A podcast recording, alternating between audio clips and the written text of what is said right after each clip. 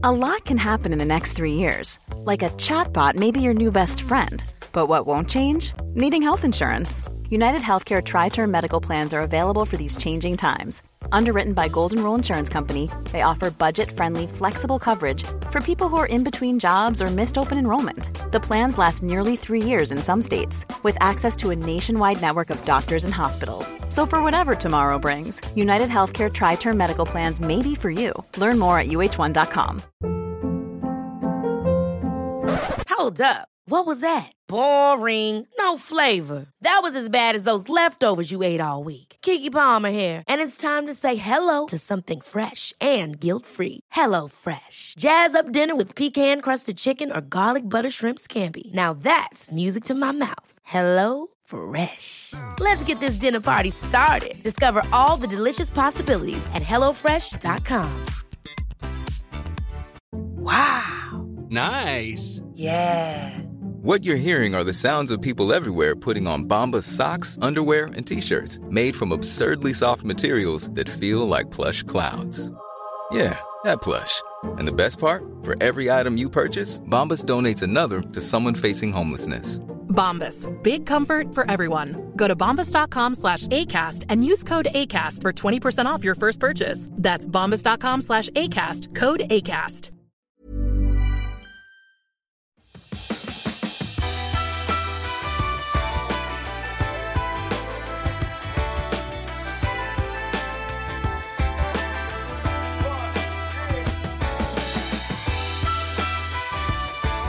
Hej och välkommen till Klimakteriepodden med mig, Åsa Melin.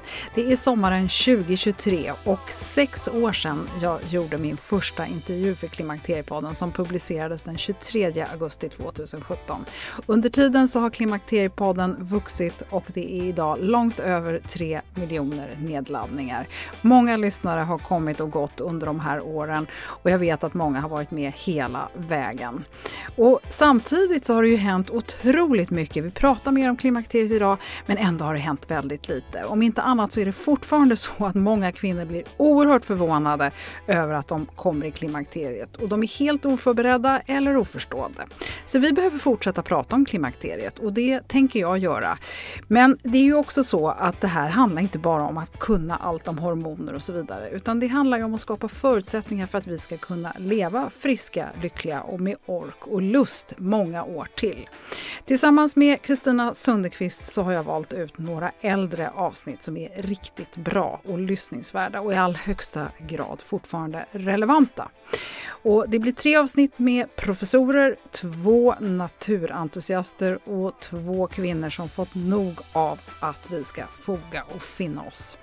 Du som har varit med hela vägen kommer garanterat lyssna med nya öron och du som inte hört dem förut hoppas jag uppskattar dem. Avsnitten har fått nya rubriker och de ursprungliga försnacken och eftersnacken är borta så vi hoppar rakt in.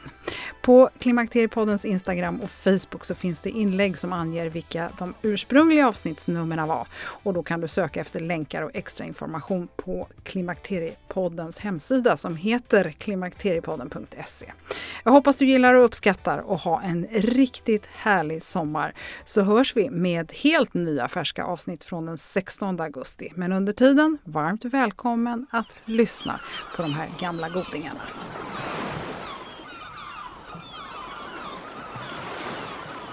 Mats Hammar, hjärtligt välkommen tillbaka till Klimakteriepodden. Tackar så mycket. Du är professor emeritus här vid Linköpings universitetssjukhus, kan man säga så? Eller? Ska man vara petig så är jag ju emeritus vid universitetet och har arbetat eh, på kvinnokliniken och det gör jag ju fortfarande. Ja. Men mest med handledning av forskarstuderande numera. Lite undervisning av våra studenter. Mm. Mm. För du har ju då, eh, du jobbar ju för institutioner för barns och kvinnors hälsa och så har du varit med också, som jag tycker är intressant, den här arbetsgruppen inom SFOG som eh, har jobbat med de här nya riktlinjerna för klimakteriebehandling. Så är det någonting du kan så är det ju den här fasen i livet. Men det som är spännande är ju eh, att du har jobbat väldigt mycket med träning och eh, klimakteriet. Du har forskat om allt möjligt, akupunktur och träning och så vidare. Och när vi träffades då för två år sedan när podden var helt nyfödd så talade vi just om träning och akupunktur mot klimakteriebesvär. Och jag eh, Eh, minns också då att du var med i SVTs, det här programmet som kom för ungefär ett år sedan om, om klimakteriet och då pratade du också om det här och du hade med en av, av dem som du samarbetar med och visade ganska tydligt i det här programmet hur, vilken typ av träning vi, vi avser.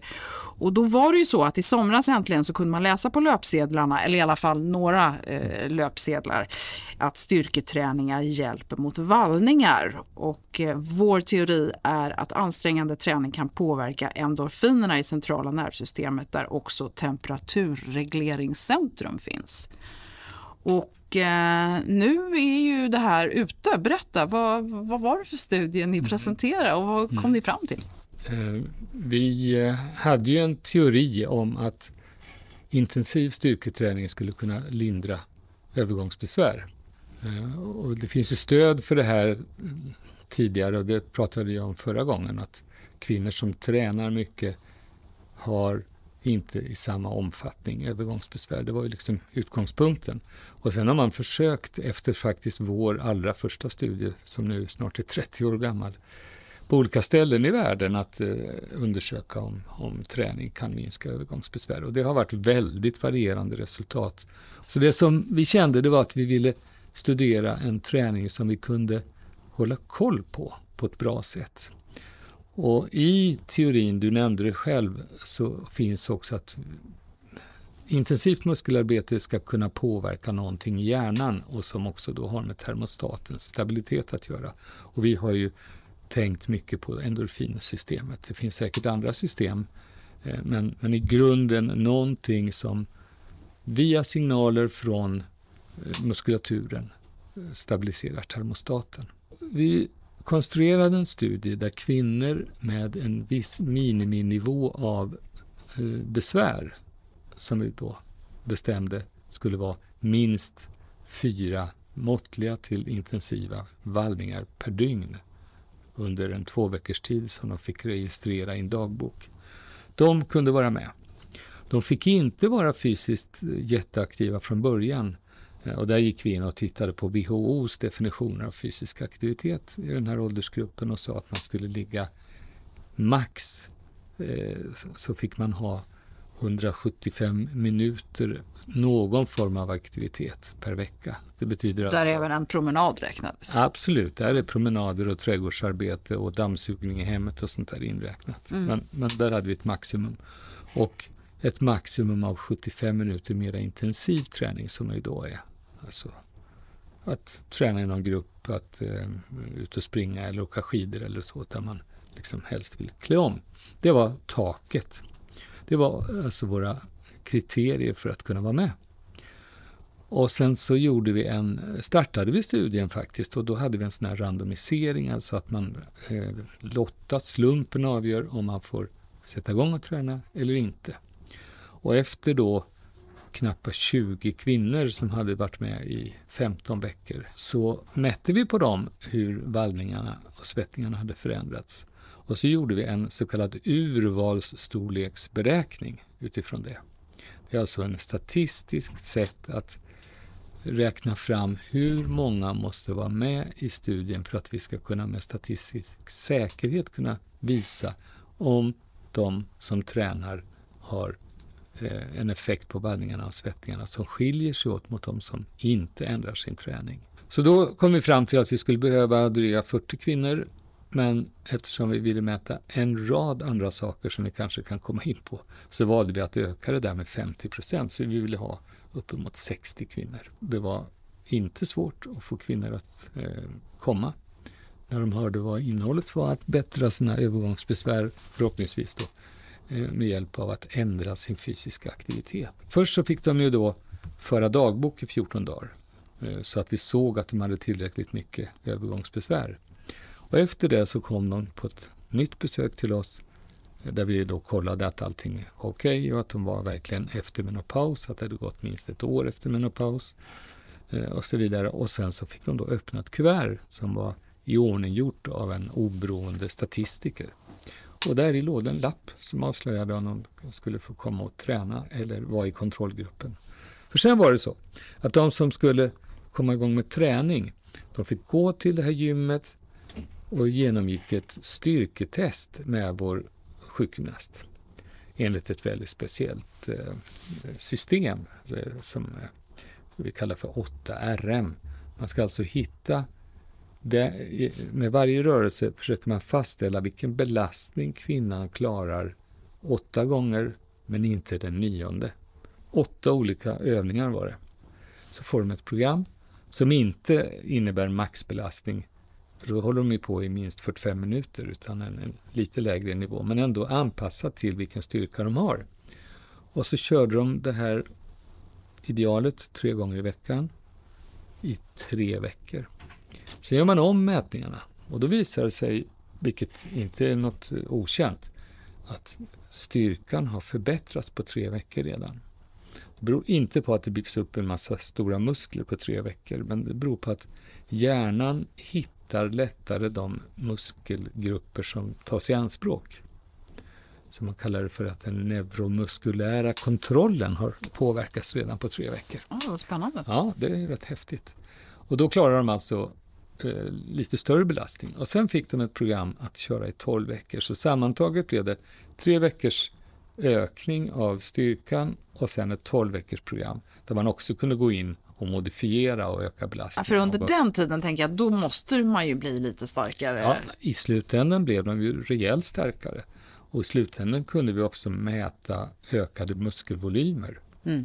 Sen ska jag lägga till att vi redan från början hade tänkt att efter sex månader följa upp bara en telefonintervju men också en rad enkäter. Och så efter ytterligare ett och ett halvt år, det vill säga två år efter de hade fullföljt sina 15 veckor, så hade vi en ny uppföljning.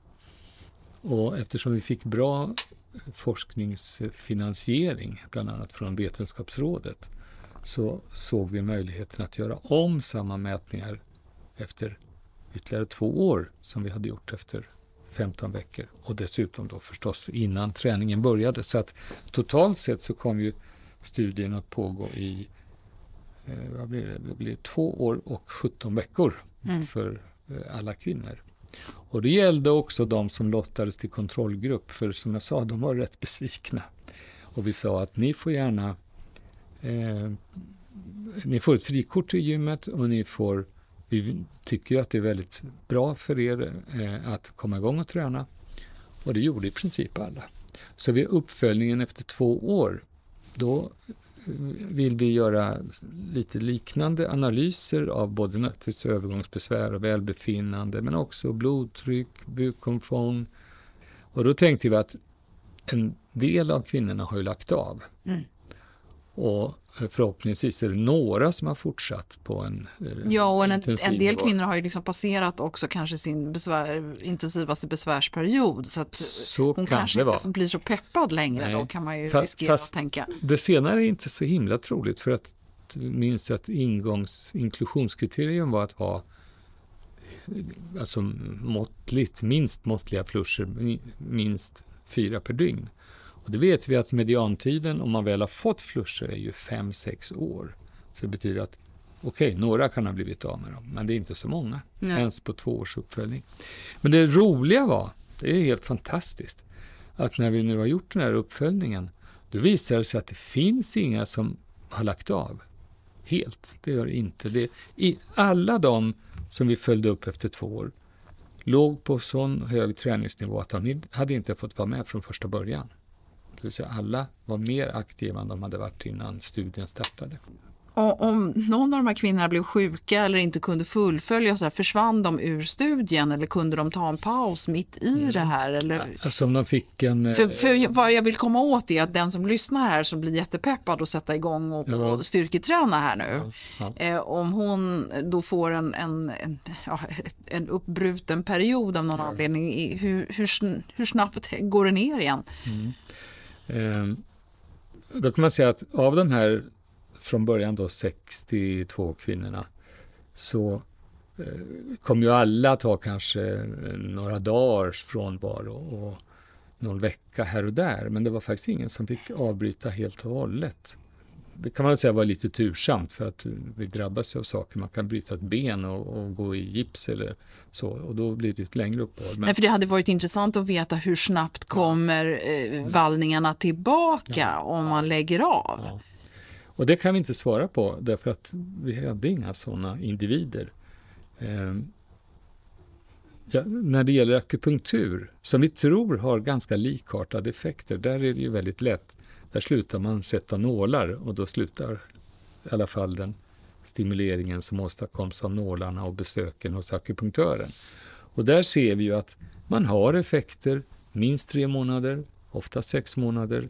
Vi har gjort en studie på kvinnor med bröstcancer som fick 12 veckors behandling och det var en andel av de kvinnorna som eh, efter två år inte hade fått tillbaka sina besvär som de hade från början. I snitt i, i akupunkturstudien, vi har gjort flera sådana, men där har man också ungefär en halvering av besvären. Men har man fått effekt så kvarstår de ofta i många månader, halvårsvis, upp till två år. Mm. Och, och, det finns anledning att tro, kanske, det här är ju väldigt hypotetiskt, att om man dumt nog skulle bara sluta med träningen så skulle nog effekterna, om man ser analogin med akupunktur, kunna kvarstå i kanske halvår.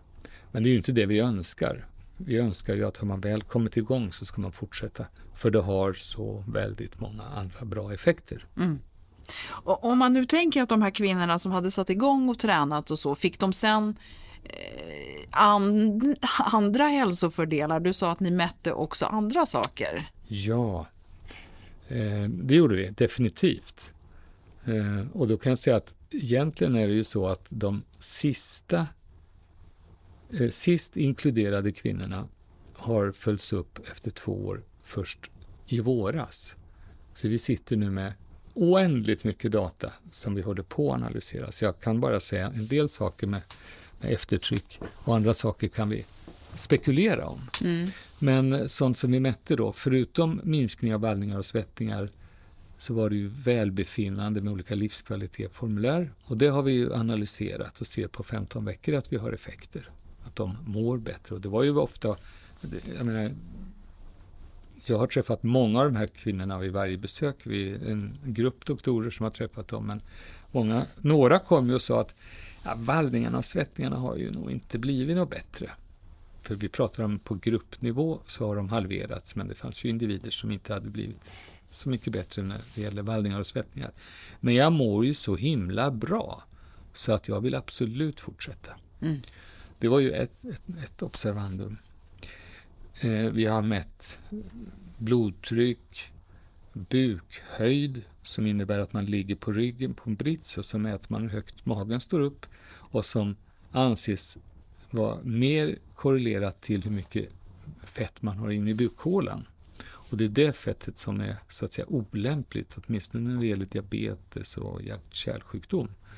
Vi har blodprover där vi mäter inflammatoriskt påslag Inflammation, det är ju, eh, måste jag understryka, då, det är inte infektion. Det har ingenting med, i det här fallet, ingenting med att man har drabbats av någon bakteriell eller virusinfektion. Utan, Nej, utan det är det här populära som pratas så mycket om nu, den här ja, låggradiga exakt. inflammationen. Den låggradiga inflammationen är ju väldigt eh, olämplig för att den påverkar både hjärt-kärlrisken, alltså åderförkalkningssjukdomen, men också cancerrisk.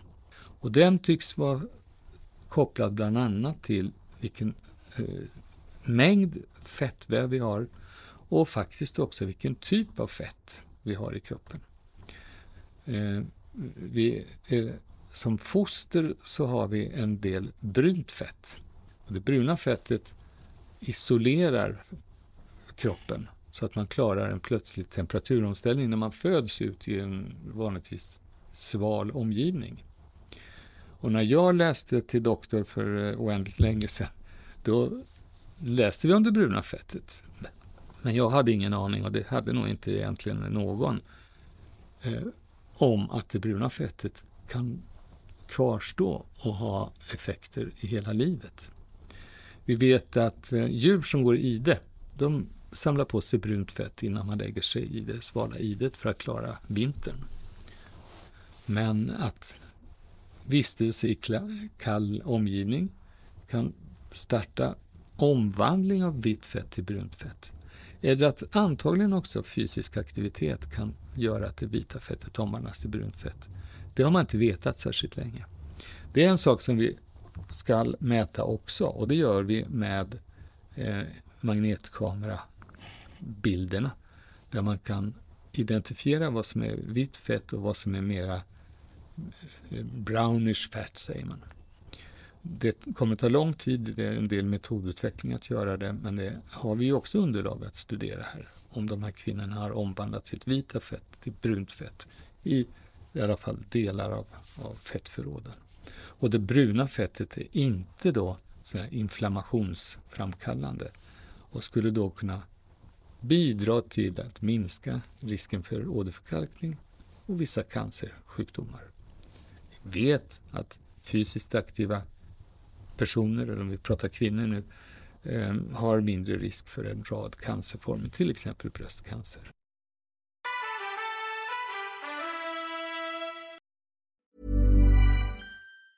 Hey, I'm Ryan Reynolds. Recently, I asked Mint Mobile's legal team if big wireless companies are allowed to raise prices due to inflation. They said yes. And then when I asked if raising prices technically violates those onerous two-year contracts, they said, "What the f*** are you talking about? You insane Hollywood ass." So to recap, we're cutting the price of Mint Unlimited from $30 a month to just $15 a month. Give it a try at mintmobile.com slash switch. $45 up front for three months plus taxes and fees. Promoting for new customers for limited time. Unlimited more than 40 gigabytes per month. Slows. Full terms at mintmobile.com. Here's a cool fact. A crocodile can't stick out its tongue. Another cool fact, you can get short-term health insurance for a month or just under a year in some states. United Healthcare short term insurance plans are designed for people who are between jobs, coming off their parents' plan, or turning a side hustle into a full time gig.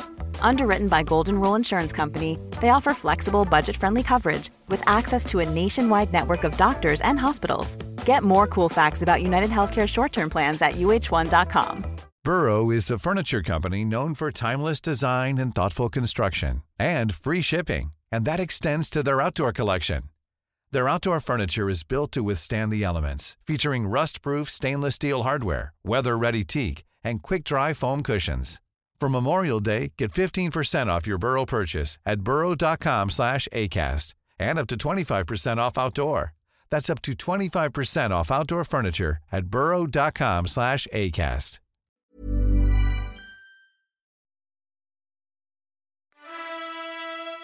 Men nu pratar du lite mer allmänt Ja. om aktivitet. Nu pratar vi inte bara om den här tunga 8 gånger 8 repetitionsträningen. Nej, det gör jag. Men eh, vi passar på och mäter de här sakerna därför att eh, det är viktigt att se vilka andra effekter man har av den här träningen. Mm. Eh, jag tror överhuvudtaget när man pratar fysisk aktivitet, ibland brukar jag raljera och säga så här att om en, eh, när det gäller många tillstånd vet vi att fysisk aktivitet är av godo. Men vi använder eh, lite slarvigt bara fysisk aktivitet. Jag tror att man måste ofta skräddarsy den. Om vi pratar eh, högt blodtryck, då är det ingen som säger Jaha, du har högt blodtryck, jag måste nog skriva ut ett piller till dig. Jaha, vad då för piller? Ja, det spelar nog inte så stor roll. Det är självklart, va? du skrattar åt det, det är självklart.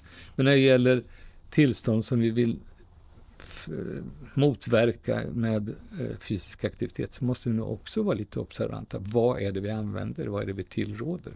Vi vet till exempel, då, nu pratar jag på här, att eh, väldigt många typer av fysisk aktivitet är bra för skelettet. Men simning råkar inte påverka skelettet därför att då har man inte belastning på skelettet. Man har många, många andra bra effekter. Så om man har benskörhet så är inte simning den bästa aktiviteten för att förbättra den saken. Och vi tror då att vallningar och svettningar, för att lindra dem så ska man ha en intensiv fysisk aktivitet. Om vi nu går ut med att det är en bra variant så vill vi också kunna säga med lite eftertryck att på köpet får ni de här effekterna men de här kanske ni inte får. Men, men om man kombinerar den här starka eh, fysiska, alltså ty- tyngdlyftningen om jag nu får uttrycka mig så, eh, lite slarvigt, med alltså pulshöjande, man får ju höjd puls av att lyfta tungt också, men eh, att jämföra det med till exempel att springa eh, då som ett, eh, ett alternativ. Det har ni inte undersökt i just den här studien, men du har ju den erfarenheten, så skulle du vilja säga att det har också effekt på vallningarna som ju så att säga den här studien visade med, med, med styrketräningen. Ja. Eh, jag, jag, tror att det är så, men eh, jag vet inte. Och ingen annan vet det heller egentligen. För det finns ingen sån jämförande studie. Men man kan säga att aerobics, träning i grupp eller andra typer av ska vi säga, hjärt-kärlträning som förbättrar konditionen. Den är jättebra för hjärta och kärl och andning och, och sådana saker. Eh, och vi kunde ha valt det, kanske löpargrupper där man hade mätt vilken syreupptagningsförmåga man hade och sen haft eh, gruppträning i eh, motionsspåret. Det kunde vi ha gjort, men vi valde inte det därför att vi tror att just användande av stora muskelgrupper är det som påverkar termostaten. Det var liksom vår grundidé. Mm. Och då skiljer de sig åt de här två träningstyperna. Löpning är, som jag säger, det är nyttigt och, och bra. Men eh, kanske, de skiljer sig lite åt. Löpning och annan konditionsträning, det påverkar eh, syreupptagningsförmågan och sådana saker. Men det an, anlitar inte riktigt de stora muskelgrupperna i samma utsträckning. Styrketräningen, som vi har lagt upp det, får många muskelgrupper att aktiveras eh, under ett sånt här totalt pass. Och, och vi kan alltså se volymsförändringar i, i, muskelvolymen. Och kanske är det det som gör att vi får effekter på fluscherna, mm. på vallningarna.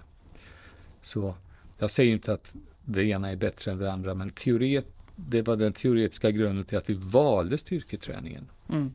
Men ska man titta på helhetshälsa så är det positivt att ta sig an alla de här olika delarna i ja, någon form av träning. Ja. Ja. Men jag tror att upprätthållande av en god muskulatur är viktig för den äldre personen.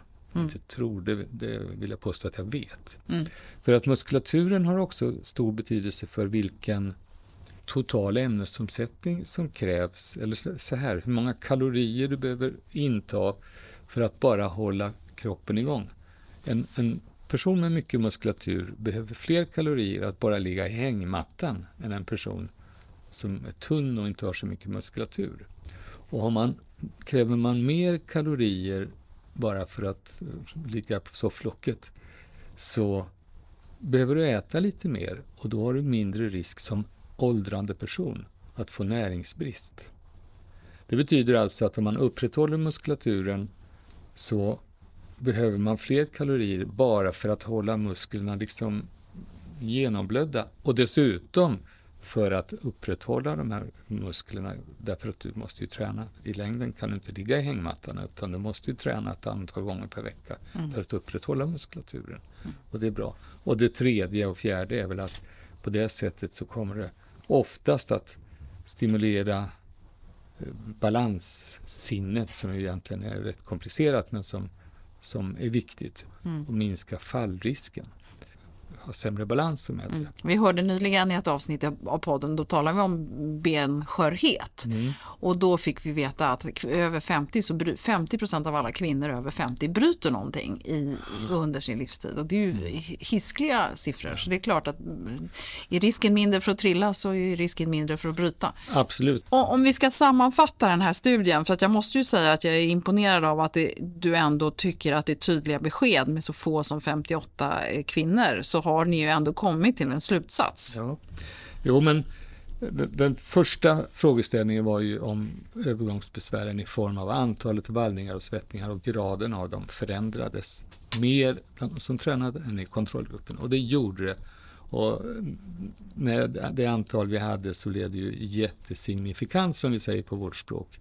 Men alltså det är mindre än en risk på 100 eller på 1000 att det är slumpen som gör. Och de halverades ungefär på gruppnivå. På 15 veckor? Yes, mm. så var det. Sen har vi ju en del analyser som är klara. Vi ser att på 15 veckor så förbättras blodfetterna hos de som tränar. Vi får ett lite eh, någon av de här variablerna eh, som mäter inflammation visar en mindre inflammation. Eh, vi ser en ökad muskelvolym och ökad muskelstyrka. Det är ju inte så förvånande, men, men det ser vi också. Men vi har ju rader av, ja och välbefinnandet blir bättre också. Mm. Det har vi liksom räknat klart och håller på att skriva eller har skrivit och skickat till tidskrifter. Det var mängder av data som återstår att behandla. Det mm. vad, vad, I den här datan som är kvar, vad hoppas du, vad, vad, tror du, eh, finns det någon sån här grej som du, det här hoppas jag vi får något riktigt härligt ja. resultat på? Ja, Nej, men det skulle vara ett härligt om vi med, med flera sådana här inflammationsmarkörer kan visa att en kronisk låggradig inflammation minskar. Det skulle vara härligt om vi kan visa att den oxidativa stressen minskar eller i alla fall inte försämras. För ibland kan väldigt intensiv träning ge en viss stress. Så det, det hoppas vi att den minskar. Och sen skulle det ju vara fantastiskt om vi kunde visa att vi börjar omvandla vitt fett till brunt fett. Och slutligen, som vi inte ens har nämnt, att till och med längden upprätthålles hos de som tränar. Det är alltså ändarna på kromosomerna. Varje celldelning förkortar änden på kromosomen. Och när den har blivit tillräckligt mycket förkortad kan cellen inte dela sig mer och då dör den. Och det finns observationsstudier som visar att fysiskt aktiva personer har längre telomerer än de som är soffpotatisar. Som är en fördel för? överlevnad kan man säga. Generell överlevnad. Vävnadens och mm. individens, organismens överlevnad. Mm. Som vi också ska börja analysera förhoppningsvis sent i höst. Mm. Ja, Okej, okay. det är bara att köra på. Eh, och så kör jag mina kalla bad också då för att få det här bruna fettet. För det är ju ett sätt att... Och kanske, vi får se om jag vågar upprätthålla det under hela vintern. Jag har inte kommit längre än till eh, hösten ännu, så vi får se. Det är vinterbad alltså? Ja, det är det mitt mål är, att, att klara hela vintern här, men det får vi se. Ja. Det är ju häftigt alltså. Ja. Mats, du har ju en enorm kunskap och har ju jobbat med kvinnohälsa och du har jobbat med eh, klimakteriebesvär under väldigt, väldigt många år av din karriär. Eh, om du nu liksom, all din erfarenhet från de här olika områdena så, så har ju du, eh, du kan ju väldigt mycket. Hur skulle du systematiskt ta dig an klimakteriebesvär om du var en kvinna som uppenbart lider av vallningar, eh, de här flussarna som du mm. nämner eh, och svettningar som påverkar sömn och, och, allt möjligt i livet som liksom gör att, mm. att det här blir olidligt. Mm. Till att börja med om jag vore under 45, det är jag faktiskt inte. Och jag heller i grunden inte jag heller.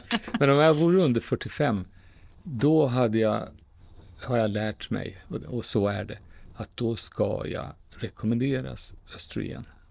Kombinerad östrogen, gestagen eller eh, Ja, alltså för den som kommer i tidigt klimakterium. Ja, ja, och det är något som vi missar tyvärr. Det har du säkert haft upp i din podd tidigare. Men, men det får vi inte missa. Därför att utan hormoner upp till normal eller genomsnittlig menopausålder så löper man ökad risk för eh, både sjuklighet och död. Så det är det första. Men om vi nu tänker att jag är runt den genomsnittliga menopausåldern kring 50-52 Ja, då finns det ju några saker som jag själv absolut kan göra. Jag kan se till att eh, eh, äta vettigt att absolut inte röka. Rökare bryter ner sina egna hormoner och även om man får tillfört hormoner bryter man ner dem fortare så man hamnar med lägre östrogennivåer. Så det är alldeles tokigt förutom alla andra nackdelar med rökning. Så det skulle jag låta bli. Jag skulle eh, kanske ändra lite på termostatvredet eh, i sovrummet så att det är lite svalare. Ha lite svalare klädsel. Se till att inte dricka kaffe på kvällen försöka varva ner lite eh, så att jag lättare kan somna och kanske då har en lite lägre stressnivå som Ja, för koffeinet menar du skulle också öka stressnivån som ja. kanske ökar vallningarna under natten, inte ja. bara gör det svårare att somna. Nej, precis. Eh, och, och överhuvudtaget stressnivån kan hos en del kvinnor definitivt kopplas till benägenheten att få sina vallningar, vare sig det är dag eller natt. Eh, det är väl några generella råd. Om jag ändå då eh, har besvär eh, och inte var fysiskt aktiv, då skulle jag ju se det här som ett himla bra tillfälle att ändra min livsföring också när det gäller fysisk aktivitet. Och det brukar jag alltid ta upp med kvinnor, vare sig jag kommer att rekommendera dem hormonbehandling eller inte, så är det att se det här som en, en ny period, en ny era och eh, ta chansen och ändra ditt, eh, dina eh, vanor när det gäller träning. Sen är det inte så enkelt så att man kan säga att och så tycker jag att du ska gå till ett gym och sätta dig i eh, styrketräningsmaskinerna. För, det, för att göra det då måste man vara väldigt motiverad och man ska helst ha någon som instruerar en. Och vi tror ju att det är bra, men generellt så att öka sin fysiska aktivitet. Kanske slå sig ihop några kompisar, börja gå i någon gruppträning eller på annat sätt komma igång. Man, man, det måste vara lustfyllt, det måste vara regelbundet och det måste nog gärna vara socialt också. Mm. Som jag sagt till dig, jag är absolut inte motståndare till hormonbehandling, snarare tvärtom. Och idag vet vi ju att om man startar hormonbehandling innan 60 års ålder och inom 10 år efter sista mensen så är det mer fördelar än nackdelar. Eh, så att har man väldigt mycket besvär då tycker jag då ska man ha diskutera hormonbehandling dessutom. Men det är inget hinder, tvärtom, jag tror att de stöder varandra. Mm. Att både ändra sina eh, aktivitetsvanor och påbörja hormonbehandling. Mm. Du har, eh, det är ju spännande, du kan ju väldigt mycket. Eh, en sak som du har forskat på också, det handlar ju om den här åldrande befolkningen som vi har. Mm. Och, eh, och, olika råd för att hålla sig friska. Ja. Och jag tror att du har lyckats nämna dem, eller har vi missat något av de här viktiga råden i vad är det som håller en frisk? och på så sätt kanske mm. gör att klimakteriebesvären blir mindre och framförallt livet efter klimakteriebesvären kommer bli mm. ännu bättre. Mm. Ja, Eh, jo, men jag har, har läst en del och, och, en del har vi studerat också. Och, och, det finns någon studie där man har undersökt personer som har blivit 100 år och försökt att identifiera vad, de, vad som skiljer sig hos dem. Då. Alltså dels är det ju ärftligheten kan vi inte göra så mycket åt. Eh, jag menar, har man gamla föräldrar så har man eh, ökad chans att få leva länge. Det finns socioekonomiska faktorer som kanske är som de är. Man kan säga att har man en hög inkomst har man en högre möjligheter att få leva länge och friskt. Och det beror inte på att man har mycket pengar i, lön, i, i lönekuvertet tror jag, utan kanske att man kan eh, ha ett lite mindre stressigt liv och kanske hinna med en del saker. Men om man ska ta sånt som vi verkligen kan påverka, det är det att man ska umgås. Man ska finnas i ett socialt sammanhang det är hälsosamt.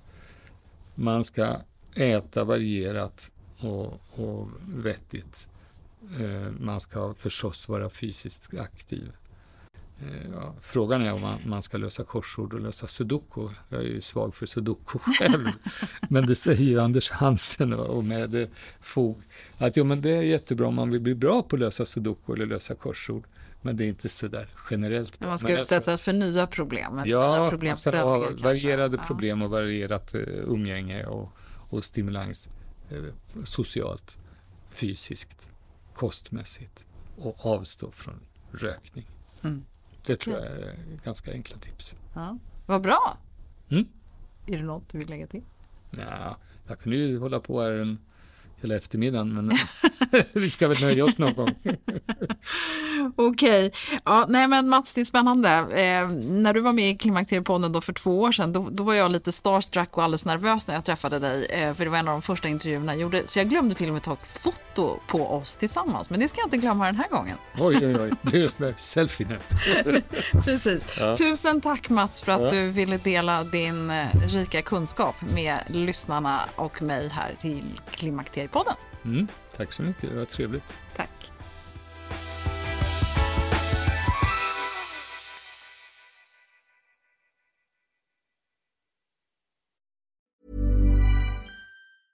Mom deserves the best, and there's no better place to shop for Mother's Day than Whole Foods Market. They're your destination for unbeatable savings, from premium gifts to show-stopping flowers and irresistible desserts. Start by saving 33% with Prime on all body care and candles. Then get a 15-stem bunch of tulips for just $9.99 each with Prime. Round out Mom's menu with festive rosé, irresistible berry chantilly cake, and more special treats. Come celebrate Mother's Day at Whole Foods Market. Ever catch yourself eating the same flavorless dinner three days in a row?